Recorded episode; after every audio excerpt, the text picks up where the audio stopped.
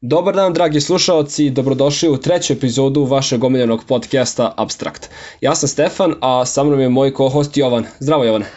A, zdravo ljudi, zdravo. Pred nama je jedna vrlo uzbudljiva emisija, bih rekao Stefan i jel. Imaćemo vrlo posebnog gosta danas koji će se nam podeliti putem svoje poruke teme, mišljenja o mnogim temama. Tako je, Jovane.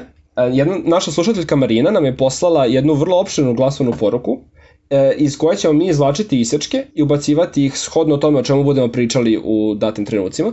Tako da i danas ćemo je u nekoliko mesta ubaciti. E, sam bih usput rekao da je Marina e, jedna mlada devojka koja je sad upisala prvu godinu matematike u Novom Sadu, ali ono što je vrlo posebno u vezi nje je to da je ona već sa svojih 18 godina u seniorskoj šahovskoj reprezentaciji Srbije.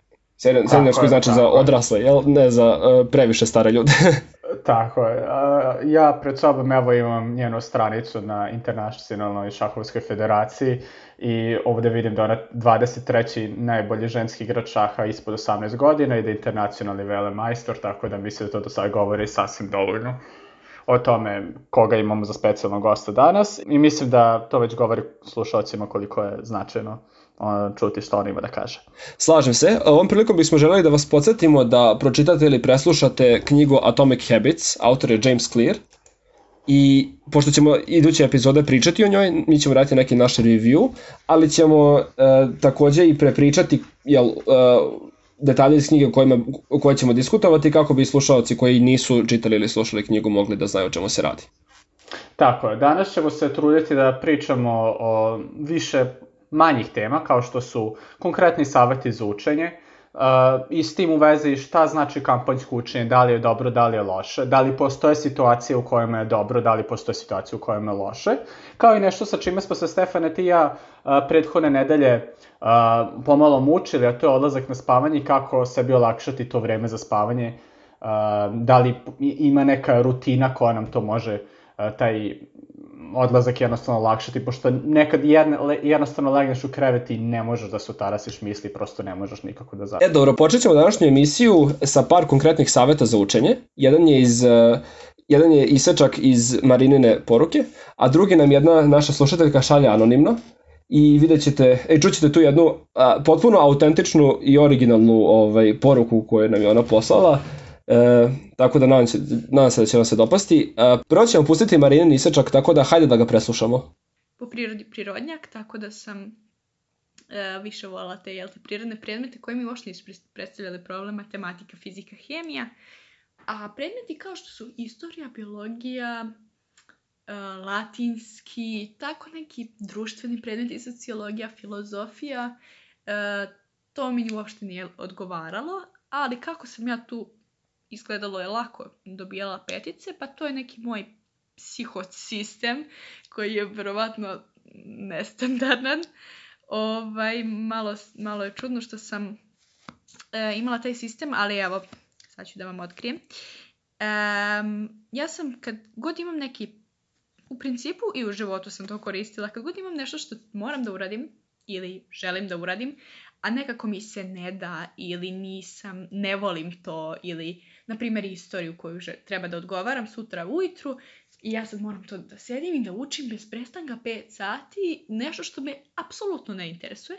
Ja u svojoj glavi prevrnem, samo ubedim sebe da ja volim tu istoriju i da ću ja u jednom momentu uh, na fakultetu da ja studiram tu istoriju koliko ja nju volim i da ja želim time da se bavim i da to i meni interesuje. I kad ja uspim sebe da ubedim, onda shvatim koliko zapravo je lakše učiti i pamtiti ono što te interesuje, jer kada, kada ja na taj način, po znacima navida, prevarim svoj mozak, ovaj, onda nekako mnogo lakše naučim i te predmete koji mi ne idu i koji me ne interesuju. Tako da, to je bio neki moj sistem, da naučim te neke, ja bih rekla, gluposti koje ću sutra zaboraviti, ali ja se čisto pretvaram kao da ja zaista volim taj predmet i kada tako ovaj, zavaram, zavaram svoj mozak, onda a, nema više tog odlaganja, odugovlačenja pri učenju, pa idem da pojedem nešto, pa idem da popijem nešto, a, idem da malo pogledam seriju, malo prođem po YouTube-u, Instagramu, nema toga,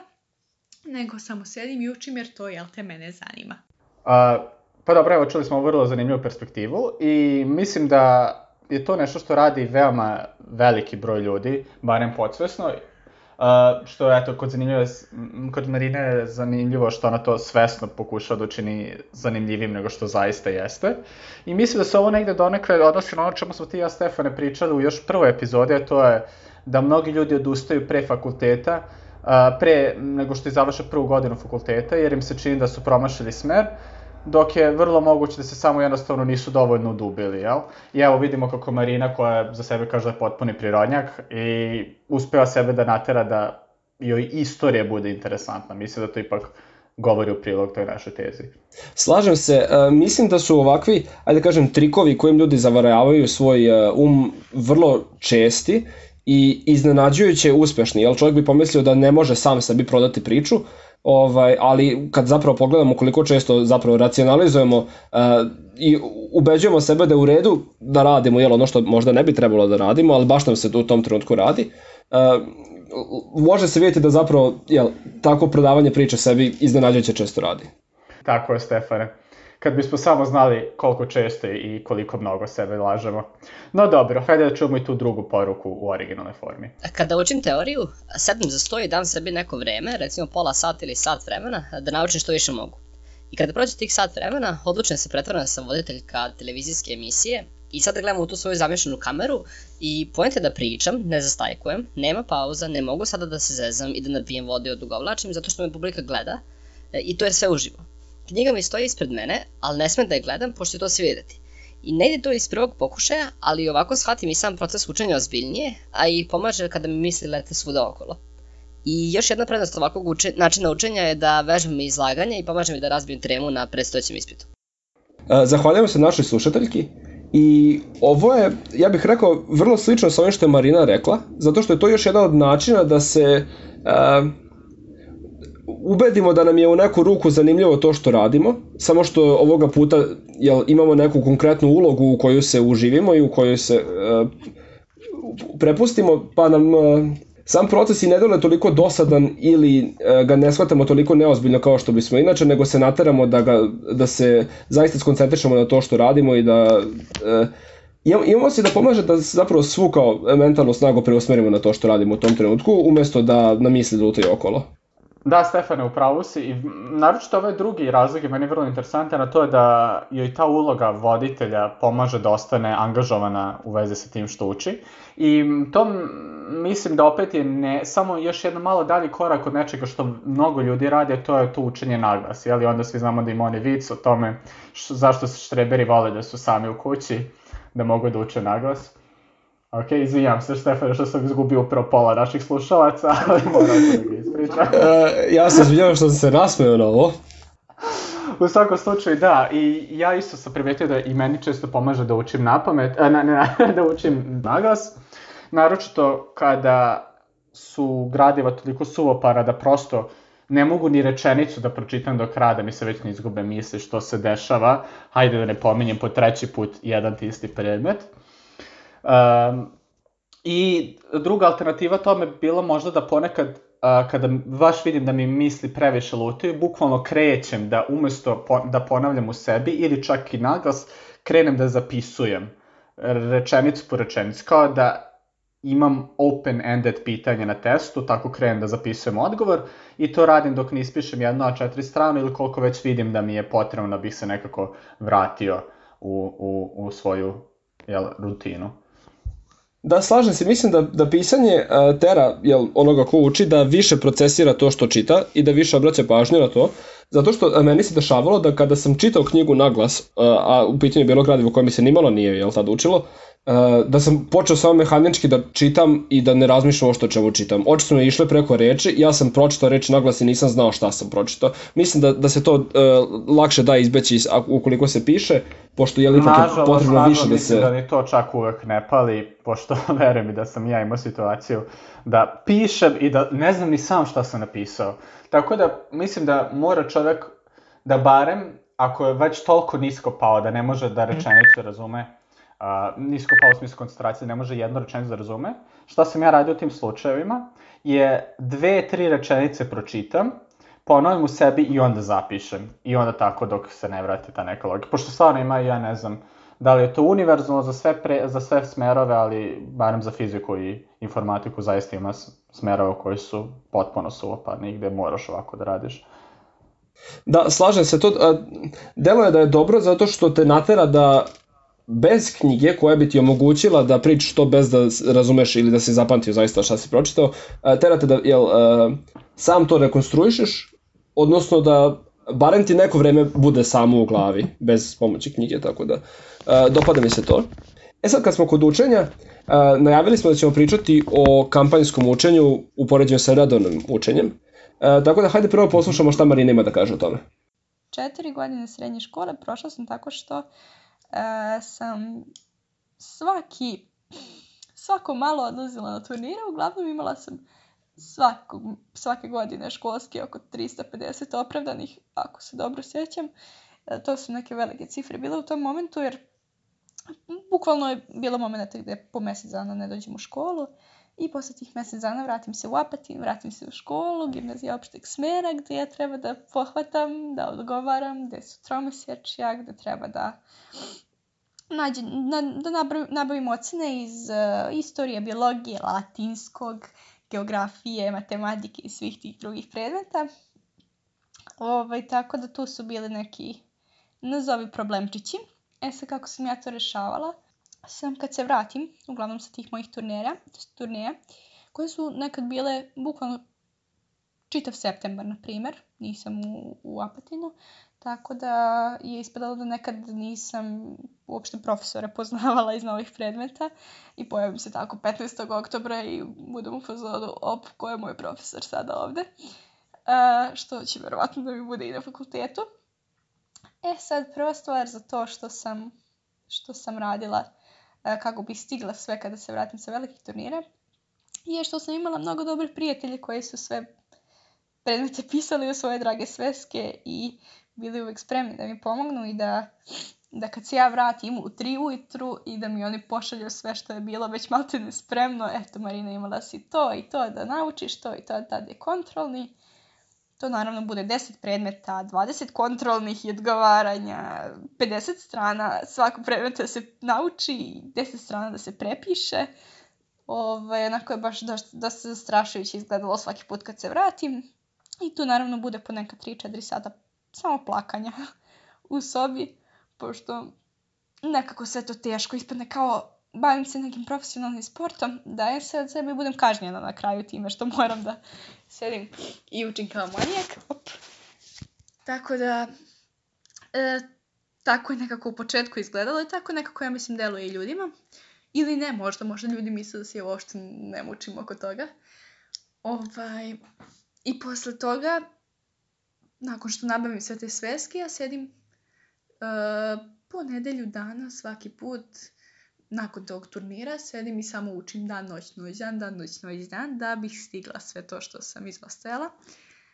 Uh, pa sad neko mi pitao, dobro, zašto ako već nisi tu bila, zašto vijaš sve petice? Ne znam zašto sam vijala sve petice. To možda i nije bio naj neki najsrećniji izbor, da ja sad vijam da bu... Mislim, nisam vijala, nego nekako mi je bilo prirodno da ako jednostavno sam sposobna i ako mogu, zašto ne bih učila za pet i zašto ne bih bila Vukovac. To mi je nekako bilo u mojoj glavi smislena ideja. Ovaj, naravno, to je iz toga izrodilo to da sam morala da učim dan, noć, noć, dan po sedam dana bez prestanka. Uglavnom se to tak, tako je planirano i onda se svede na to da odem u školu, pošto moram ići u školu kad se vratim. Odem u školu, onda se komiram, pošto sam previše umorna, vratim se, ovaj, iz škole komiram se i posle toga uh, učim od, na primjer, 10 uveče do, do 7 ujutru kad počinje škola, tako da uh, sam imala taj neki sistem učenja noć, noću, ovaj, koji mi je bio najbolji zato što, opet, ni najmanje pohvalno, bila sam kampanjac, odnosno učila sam jel te samo za kontrolne i odgovaranje, jer drugačije nisam mogla, nisam mogla redovno učiti. Naravno, preporučujem svima koji mogu da redovno uče, da redovno prate, da e, slušaju na času, jer na času što se čuje, to je za 3-4 sigurno dovoljno. Znači, ako se dobro prati, to stvarno, mogu da mi se smeju ljudi, ali stvarno jeste tako. Ovaj, sad ne znam da li ljudi uglavnom verovatno koji slušaju ovo su na fakultetu pa se smeju što ja sam pričam u srednjoj školi. Ali eto, to je jedino što ja sad, za sad mogu da, da pričam. U svakom slučaju, ja sam bila kampanjac i sve sam ja to naučim noću, odgovaram ujutru, jako se iznerviram ako mi pomera odgovaranje, zato što sve zaboravim. Ali kad uspem da odgovaram, odmah momentalno zaboravim sve što sam do tog momenta znala. Iz prostog razloga što nekako mi je mozak više prebukiran šahovskim problemima i računom i varijantama i svim tim što moram da zapamtim tamo. Tako da sam birala u srednjoj školi ono što će da mi ostane u glavi i ono što neće da mi ostane u glavi. A, pa evo, ok, možda još samo da rezimiram ukratko poruku. Dakle, Marina je neko ko je kampanjski učio, ali ne izborom, tako reći, već a, potrebom, pošto, eto, kao što smo čuli da ona skoro šest meseci godišnje, ako se ja dobro izračunao, verovatno nisam, a, nije mogla da bude redovno na nastavi. A, Tako da je uglavnom kampanjski učila, međutim čuli smo što je vrlo interesantno da ona ne savjetuje da se to tako radi i da joj veoma znači kada ima priliku da čuje predavanje, da zaista i čuje to predavanje. Stefane, da li ti deliš taj sentiment, to je taj neki sentiment da je kampanjsko učenje pre svega, ako se vratimo sad na period srednje i osnovne škole, nešto što se treba izbjegavati u svakom slučaju? Uh, onako, uh, za neke predmete, koji me manje interesuju i za koje mi je manje neophodno da budem stalno u toku, uh, sam preferirao i mislim da bih i sada svesno odlučio da ih učim kampanjski, a predmete koji su složeniji imaju neku, ajde kažem, dublju strukturu, šta, koje znanje za, je neophodno da se dalje šta razume, uh, bih učio redovno i trudio se da stalno budem u toku sa tim što učim. Uh, sad, za mene konkretno u, u prvi slučaj onoga što bih učio kampanjski spadi u društvene nauke, a u drugi slučaj prirodne. Uh, ukoliko bih učio istoriju pred neko odgovaranje, sve su šanse da mi to za neko dalje odgovaranje neće trebati, niti za razumevanje nekog dalje gradiva. A s druge strane, ukoliko bih učio uh, fiziku, matematiku ili nešto, nešto slično tome, uh, mislim da bi mi jel, dalje znanje zavisilo od trenutnog i da bih želeo da svim što radim zaista vladam bez da ga zaboravim. Uh, e sad, da, da li je izvodivo da sve učim redovno, a ne kampanjski? Uh, onako, imam osjećaj da bi bilo teže i da bih da kažem, ono, ono što eksplicitno ne želim da učim kampanjski u, nekom, u nekoj meri zapostavio zarad onoga što mi je po mom mišljenju u redu da tako učim. E pa sad, uh, ja iskreno u srednjoj školi jesam mislio da je bitno uh, ne učiti kampanjski, ali se takođe seća da se bukvalno pre početak svake školske godine, pa čak i pologođa bio u fazoru, ok, sad krećemo. I nikad nisam uspeo. I prosto ne verujem da je krivica samo u meni, jer ono, da li poznaješ ikoga ko je zaista učio redovno sve? Uh, ne znam. Ne. Zaista ne znam. Da, uh, mislim, mislim da je to zapravo i nemoguće i da I ono, to je samo neka od stvari koje smo toliko puta čuli od profesora, roditelja, koga god, da su, i koje su to i profesori, roditelji i kogod čuli, da se to već počelo ponavljati kao neki kao neki mit. zapoved, mit možda da, ali mislim da to nije realno. Dok s druge strane, ja se slažem da ako učiš redovno i onda samo ponavljaš umesto da zaista učiš na pamet pred ispit, nekako kvalitetnije stičeš znanje, zato što ako ništa drugo pročito si dva puta, ne jednom. Ili uvek jedan put više nego inače. I prošlo je a, određen, od, određen interval između prvog i drugog prelaza, što je dokazano veoma povoljno za dugotrajnu memoriju.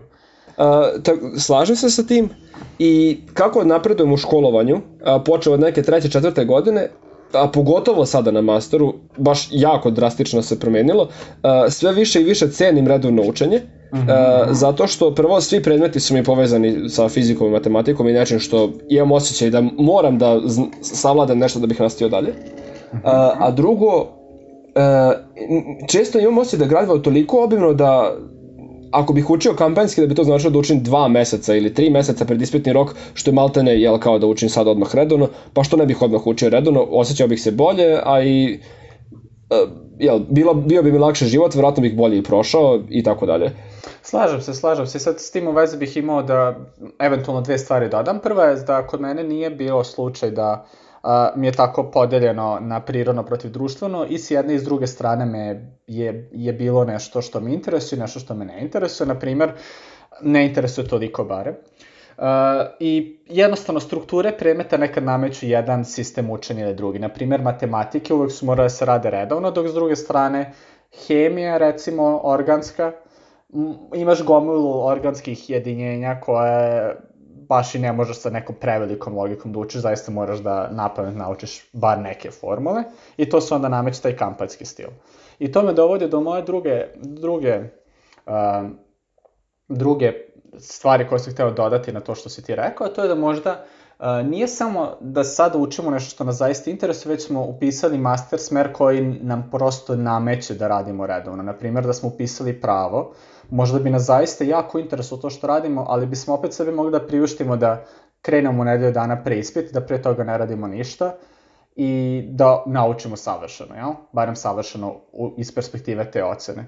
Dok s druge strane, ti i ja sada smo na faksu koji zahtevaju da se sve to nadovezuje jedno na drugo i kod mene, barem naročito verujem kod tebe, je ogroman akcent stavljan na projekte, jel? I onda imaš u Austriji, barem to vole da radi, skoro svih predmeta ti daju domaće i prosto ne možeš ni da učiš kampanjski sve i da hoćeš, jer zaista stalno ima i neki projekti na kojima radiš i praktično dokazuješ znanje koje se onda na kraju teoristira samo završenim ispitom u tom teorijskom obliku, dok zapravo te, preko cijele godine moraš da radiš redovno jer si primoran. Um, samo donekle bih se složio. A, mislim da si malo podcenio pravo po pitanju toga koliko je obuhvatno i koliko se stvari nadovezuju jedno na drugo i koliko um, tu zapravo ima gradiva koje ja mislim da je prosto nemoguće naučiti za nedelju dana pred neki ispit, nego da studenti prava koji dobro prolaze na fakultetu zaista uh, jako često uče to što uče. Uh, mm -hmm ne toliko nužno koliko im je neko znanje neophodno za dalje, nego što je gradivo toliko obimno da je prosto nemoguće zapamtiti ga za, nekog, za neki kratak vremenski period i da treba vremena da se sve to slegne i tako dalje. Ovaj... Dobro, dobro, Stefan, da li misliš da postoji makar jedan fakultet koji, uh, na kojem možeš da ne radiš redovno i da opet imaš odlične ocene? Um, ok, pokušavam sad da formulišem u glavi kako da ovo ne zvuči kao neki veliki hvalospev, ali prve tri godine sam manje više tako studirao, ali to dugujem ogromnom predznanju koje nosim iz srednje škole i tome što sam u srednjoj školi jako, jako puno učio prirodnih nauka različitih uh, i takmičio se iz njih, te mi je to olakšalo kasnije studiranje. A zaista ne bih želeo da jel, govorim uh, za druge fakultete o kojima ne znam toliko puno, tako da uh, daću jedan neodgovor na ovo pitanje. Mhm. I možda samo da napomenem da naravno nemam ništa protiv prava i ne umanjam značaj prava i kompleksnost prava, međutim, zaista nisam siguran da je neophodno učiti pravo redovno da bi bio dobar pravnik.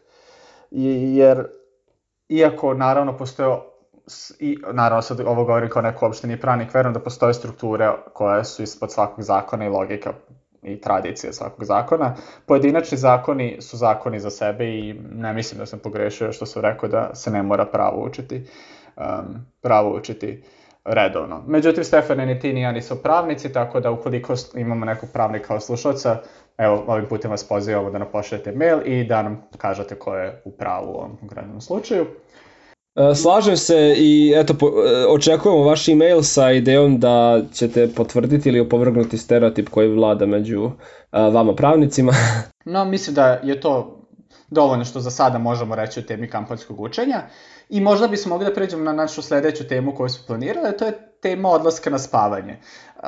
To je da li, kako postići da legneš zaista kada si planirao da legneš i da nakon što legneš zaista i zaspiš u neko razumno vreme, što je nešto što se često izostavlja kada se priča o tom redovnom odlaženju na spavanje, ali je ipak i značajno, naročito meni je bilo u poslednjih možda nedelju dana i ti si bi Stefane rekao da te to mučilo. Tako je, slažem se. Uh, to su po meni dva odvojena problema, kako se naterati leći ranije i kako zapravo zaspati ranije.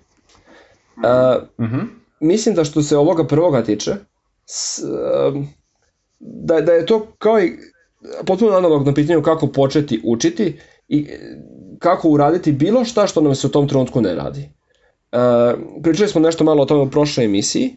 Ja bih rekao da je ovde uh, prilično korisno nekako postaviti taj, uh, u nedostatku srpske reči, mindset, da ćemo leći ranije mhm. spavati, da ćemo u eto, 9, 10 sati, 11 sati, šta, šta god da smo, ovaj, šta god da smatramo ranijim, uh, isključiti sve što radimo, šta god radili i početi sa pripremama za spavanje da u narednih 15 minuta, pola sata, koliko već možemo leći u krevet. Uh, I za to je neophodno da je malo isplaniramo šta ćemo raditi, da ako smo rekli da u 9 sati krećemo da se spremamo za spavanje, da ne počinjemo ništa bitno da radimo u 20 do 9. Takođe da jel znamo pre toga šta ćemo uraditi, šta ćemo stići, šta ne. Čisto da uh, nemamo dilemu da li da zapostimo spavanje ili ono drugo što nismo stigli, a jel možda smo tokom dana mogli. Tako je, tako je. I a, ti, reci mi sada Stefane, kada ti sebi odreš neko vreme da spavaš, evo, hoćeš podeliti sa kada je to tačno vreme možda? A, u idealnom slučaju u poslednjih nekoliko ovaj, dana, a, mm -hmm. recimo da sam u krevetu najkasnije u 10, zato što zbog nekih obaveza često imam potrebu da ostajem u 6 sati da bih otišao stigao na fakultet na vreme i jel stigao da uradim ujutro šta želim. Mhm. I onda I reci mi sada da li je izvini izvini reci nastavi. I onda u idealnom slučaju uh, naspavam se tih 8 sati koliko smatram da mi je neophodno. I razumijem, razumijem smisla. I reci mi, um, da li to znači da uvek, uvek ležeš u 10 i ustaješ u 6 ili imaš uh, za sebe neki buffer u fazonu, ah, ostao sam budan do pola 11, ustaću pola 7. To je da li ti je važnije 8 sati sna ili ti je važnije da ustaneš kada misliš da treba da ustaneš? E, to je jako dobro pitanje uh, i imam odgovor, ali nemam neki argument da je isključivo tačan. Uh, -hmm. Preferujem da ustanem uvek u 6, jer onda imam osjećaj da sam se pridržao svog plana barem po pitanju jedne stvari, a onako bih dva plana um, onako bih popi, u dva različita plana e, ne uspeo. Uh -huh, uh -huh.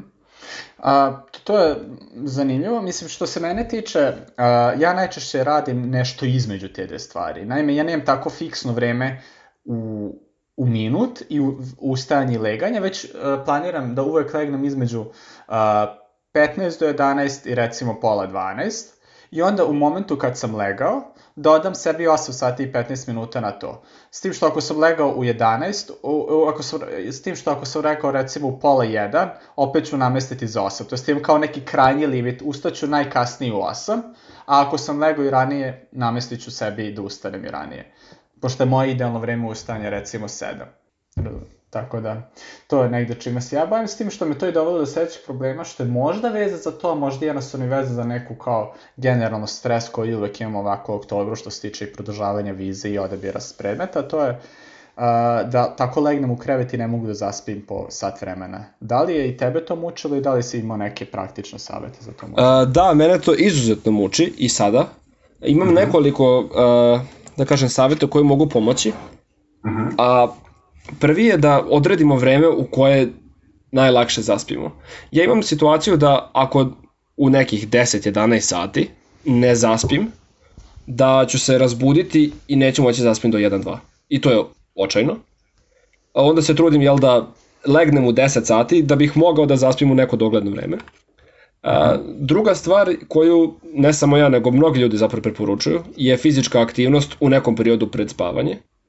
Uh, direktno pred spavanje, pošto je suprotno onom što sam ja čitao, da ne bi trebalo kao direktno pre spavanje. Ne, ne, ne, u nekom periodu, uh, sat, dva, tri, mislim, dovoljno da se sad ne razbudimo tom fizičkom aktivnošću i da ne ubrzamo metabolizam i sve, dovoljno, dovoljno daleko od spavanja. Aha, aha, dobro, to ima smisla. Da, slažem se, slažem se sa tobom. Uh, treća stvar koja mene prijali vjerojatno individualno, ja volim da spavam uh, u hladnijem okruženju jel, ako se pokrijem ćebetom, ali da van tog ćebeta bude hladno. I sada praktikujem da otvorim prozor uh, prilično širom, mislim ne skroz širom, ali na kip mi nije dovoljno recimo. I kada je tako hladnije, samo imam osjećaj da me više uspava i da, da uh, me potera da, da zaspim. Da, da to je zanimljivo zato što uh, A, idealna temperatura koliko ja znam za spavanje je između 21 i 23 što je niže nego većina soba koje su jel greju nekim centralnim sistemom grejanja. Tako da to isto nešto bi možda trebalo obratiti pažnju, jel? Da, nama je pod sjebetom uglavnom dovoljno toplo. A, a Čisto da slušalci ne misle ne spavamo zajedno, to je sve samo me sebi. Tako je, uh, pošto smo na cirka 700 km rastojanja. Da, pod sebetom je jel, generalno dovoljno toplo da možemo da Uh, priuštimo da se pokrijemo njime i sa otvorenim prozorom, ali pretpostavljam da je to individualno, tako da ukoliko vi imate neka iskustva, uh, dobro, dobrodošli ste da nam pošaljete uh, e-mail ili glasovnu poruku. Naša adresa je abstract.posta at gmail.com i -hmm. željno iščekujemo vaše komentare. Tako je, tako je. Samo pre nego što završimo ovu temu, rekao bih uh, samo još jednu stvar, uh, a to je eksperiment koji sa ovim u vezi planiram da uradim tokom narednih nedelja. Naime, uh, ja sam prethodno godine, kada sam krenuo dakle, na master, sam imao mnogo ispita i baš je bilo napeto mnogo napetije nego osnovna, osnovno, osnovno školovanje, to jest osnovni, osnovne studije.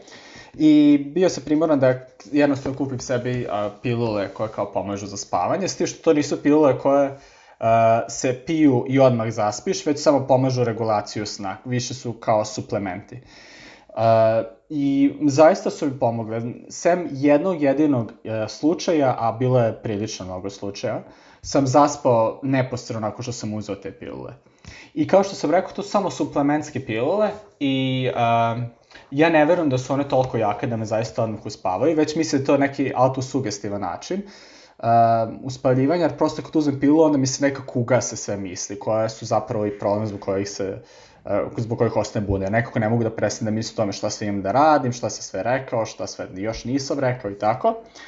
I moj eksperiment će se ostovati u tome da, pošto svakako moram do, tokom, pre, tokom zima uzimam tablete koje, um, koje je sadrže vitamin D, da kada odem na spavanje i bukvalno sve sam završio, da uzmem tu tabletu ko, uh, umesto tablete za spavanje, da na neki način pokušam prevariti organizam, iako sam svestan da to nije ta tableta. Jer kao što ću linkovati u opisu ove emisije, uh, postoje dokazi da čak i kad su pacijenti svesti da uzimaju placebo pilulu, im placebo pilula ipak pomaže, čak i ako su pre toga uzimali lekove koje je trebalo da im pomognu, a nisu što je nešto što je vrlo teško i zamislivo. Znači, znaš da je placebo, uzimo si stvari koje nisu placebo, opet i na kraju pomogne placebo.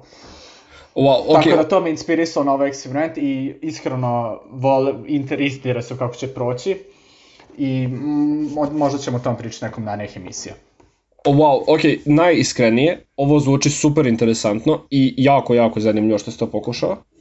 I uh, obavezno u nekoj od narednih emisija bih voleo da prikažeš rezultate koji su ti jel, pomogli da, da, da prikažeš rezultate tvog eksperimenta. E, e sad, pomalo me podsjetilo na nešto drugo što, što sam takođe primenjivao. E, kada legnem da spavam, ukoliko sam mhm. previše napet ili tako nešto, pokušavam da uradim sledeće. Udahnem nekoliko puta duboko, onako na stomak da se nadišem kiselnika, i nakon toga brojim lagano od 100 do 1. I to brojanje Aha. od 100 do 1 je proces koji se, ili od 10 do 1, generalno brojanje naniže, je proces koji se primenjuje u raznim uh, psihološkim tretmanima pacijenata, pa čak i u hipnozi, uh, što je, jel, upitna neka uh, grana medicine.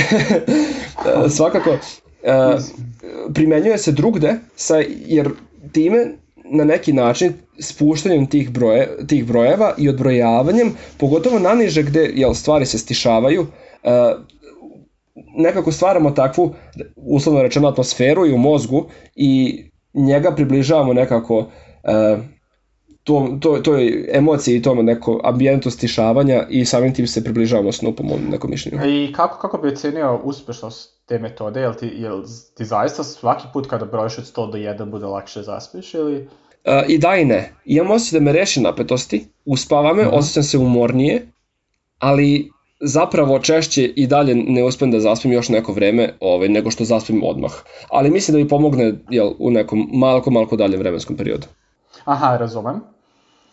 I, ok, a da li si probao nešto što ja radim često kada, to radio se u prošlosti još i češće, ali sada isto ponekad kada mi baš problem da zaspim, a to je da puštam um, white noise bi se reklo na engleskom, a to je u suština buka na nivou ventilator koji se vrti, klima uređa, avionski zvuci, dakle neki ili šuštanje vetra, padanje kiše, dakle neki zvuci koji se ponavljaju.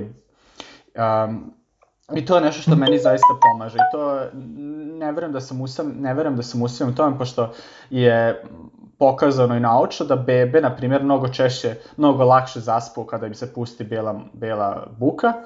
I to je, ako se setimo, obično mame svoje deci š, govore ili im pevuša nešto, što iako one nisu sveste toga, to jest možda su i sveste, ne bih da vređam mame, ali to je zapravo samo jedan, jedan način proizvođenja bele buke.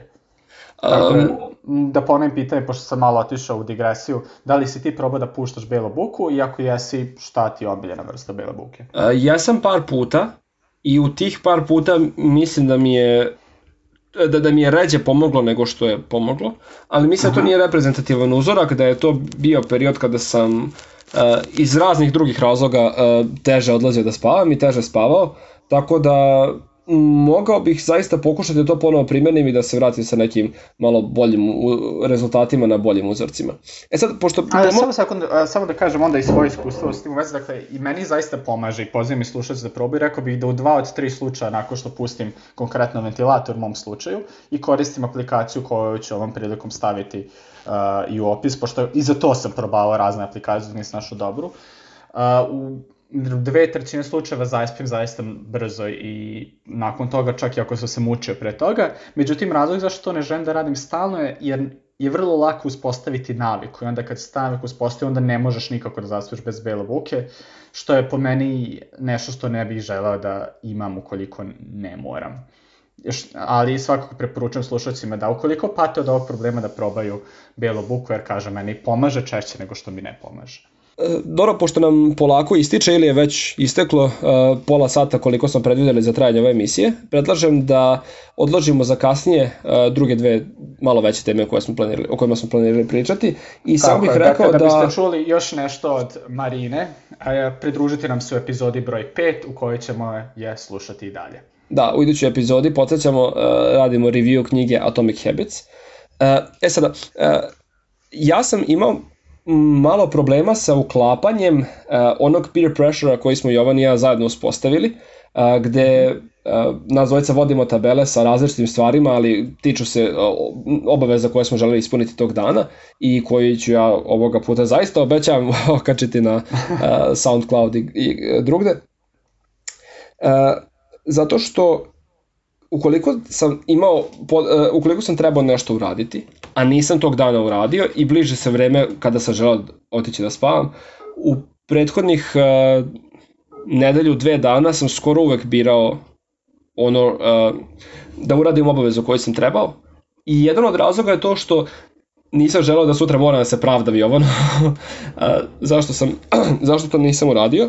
I mislim da je to trenutno imalo neki uh, možda negativan uticaj, ali na duže staze e, mislim da će mi pomoći, zato što sam već počeo da, nekoliko puta sam već isplanirao kada ću tačno šta uraditi e, da bih stigao da legnem na vreme, a da bih stigao da otkačim sve što sam imao tog dana u toj tabeli. Jel? Tako da e, mislim da je imalo da kažem, neki kratkoročni negativan uticaj, ali da se pozitivni efekti već viđaju. A, wow, Stefane, vrlo mi je drago što to čujem i iskreno i meni pomaže da znam da ćeš ti to kasnije pogledati i zaista drago mi što smo ovo počeli i volao bih da nastavimo. Reci mi, da li si instalirao i tu Beep Beep aplikaciju ili je to nešto ti još ostalo za budućnost? E, jesam instalirao sam je. E, mm -hmm. Da budem iskren, mislim da se nisam toliko obazirao na nju. Um, deluje da ima nekog potencijala i zaista nekoliko puta se jesam uh, otkačio od onoga što sam radio zarad, ne znam, učenja ili tako dalje ali se dešavalo često i da nisam. Zaista se baš tako desilo, onako što si čuo zvuk si počeo da radiš, ili? A da, da, ostavio što je trebalo i počeo ili da učim ili da spremam nešto po kući, svako jel, da radim nešto što bi trebalo da radim, mm -hmm. um, ali se često dešavalo i da nisam. Tako da ću... Da, da, uh, kod mene ista situacija, rekao bih da u 50% slučajeva maksimalno mi pomaže, dok u 50 nastavim to da radim što i dalje, ali opet 50% je nešto značajno, ja bih rekao, jel? I mislim da je okej okay ako ti misliš da tebi to nije dovoljno, jer ono, svi smo mi različiti i okej okay da različite metode probaš. Konkretno ja sam danas kupio i ovu premium verziju, pošto je bila samo 99 dinara, a omogućava mi da je svaki pola sata imam različite zvukove za 30 minuta i za 0,0 minuta, što meni se dopada. I meni super je što tebi ne treba dodatno dodatan podsjeci kad već učiš, ali meni vrlo dobro dođe, naroče ste neke dosadne premite čujem taj zvuk i znam, ok, jesam, radim što treba, iako mi se ne radi ni najmanje. No, eto. Ok, možemo pokušati voditi nekakvu evidenciju, čisto da se jel, i motivišemo, zato što ćemo želeti da imamo što više pozitivnih upisa u, u tu evidenciju, a s druge strane i da imamo bolju sliku o tome koliko nam pomaže, a koliko ne. Šta misliš? Može, može, eto, dakle, pokrenuli smo podcast, nismo ni znali da ćemo time pokrenuti niz eksperimenata koje radimo. da. Ali da, svakako je zanimljiv predlog. I verovatno ćemo i ovu temu u nekoj narednih emisija opet postići. E, dobro, sada se bližimo kraju naše emisije. E, još jednom ćemo podsjetiti da u idućoj epizodi pričamo o knjizi Atomic Habits, te bismo pozvali sve slušalce da pročitaju ili preslušaju knjigu. E, relativno je kratka i kao što sam rekao u prošloj epizodi, ukoliko, čak i ukoliko unapred odlučite da ništa nećete od saveta iz knjige primijeniti, vrlo je zanimljiva zato što ima zaista mnoštvo zanimljivih činjenica i uh, na lep način objasni razne stvari što se tiče kako mozak funkcioniše. Da, da, upravo si Stefane potpuno i što sam primetio u vezi sa tom knjigom, što nije nešto što važi za sve što bi se na engleskom rekao non-fiction knjige, to je knjige koje nisu u pitanju fantazije, nego zaista se radi o nečemu što bi čovjek mogao da možda da primenjuje ili o naučnim knjigama, vrlo je zanimljivo za slušati. Jel? Čak i da ne želiš da promeniš svoj život nabolje, što eto, možda želiš da živiš očajno. Opet je zanimljivo za slušati baš zbog tih zanimljivih činjenica koje imaš, kao i, na nekom, kao i zbog načina prezentacije tih činjenica. Da, u svakom slučaju knjiga sadrži jako puno praktičnih saveta, skoro nula e, neke e, veruju sebe mantre koja nije podsta, e, potkovana ničime drugime i zaista nudi vam puno konkretnih saveta za to kako da postignete ono što već želite. Ne uči vas ničemu šta biste trebali da radite, odnosno šta biste trebali da želite, ajde tako kažem, nego vas vodi ka tome kako da postignete to što već želite. Tako da, ovaj, tako. ukoliko imate tako neku odbojnost prema čitanju uh, knjiga koje bi vam trebale pomoći, mislim da bi vam, ovo bi trebalo da ih otkloni. A takođe vas podsjećamo da uh, je naša email adresa abstract.posta.gmail.com odnosno .com, mm. i uh, volili bismo da nam šaljete što više vaših e-mailova uh, za, sa različitim komentarima, pitanjima, uh, slažete se, ne slažete se na nama i tako dalje. Tako je, tako je. Možete poslati tekstualno, a možete i što još mi više volimo, snimiti sebe i ubaciti glasovni prilog u svoju e-mail poruku, što me naravno dovodi do toga da još jednom zahvalim puno Marini i anonimnoj slušateljki za njihove zanimljive poruke. Kao što vidite, doprinos slušalaca je nešto što je veoma bitno za ovaj podcast i često i vodi naše razgovore ka različitim smerovima. Dakle, mislim da je to to, samo bih još jednom da vam zahvalim za slušanje i čujemo se sledeće nedelje. Zdravo! Pozdrav!